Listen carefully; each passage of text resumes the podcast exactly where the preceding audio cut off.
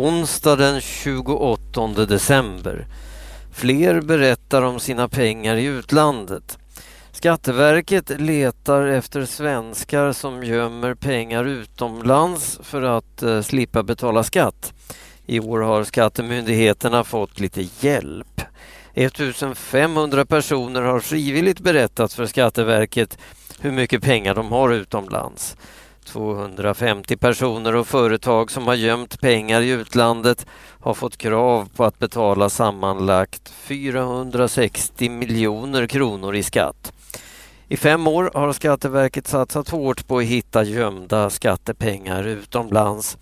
Det arbetet har betytt att staten har fått in 3,8 miljarder kronor i skatt från utlandet. Höst i söder.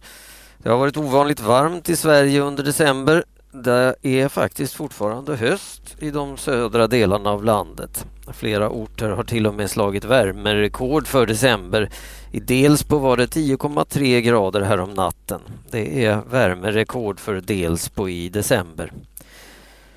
Kalla med i Tour de Ski. Skidåkaren Charlotte Kalla har varit sjuk. Ett tag verkade det som om hon skulle missa tävlingen Tour de Ski som börjar idag.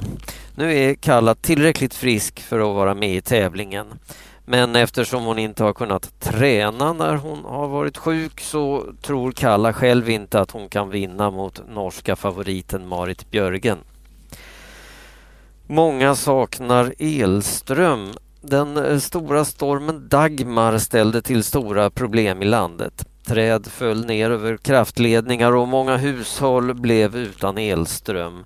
Det tar lång tid att laga felen. På tisdagskvällen var fortfarande tiotusentals hushåll utan elström. I Stockholm saknade 6 000 hushåll el. Lika många tvingades vara utan ström i Gävleborgs län. Det kan dröja en dag innan elströmmen är tillbaka överallt.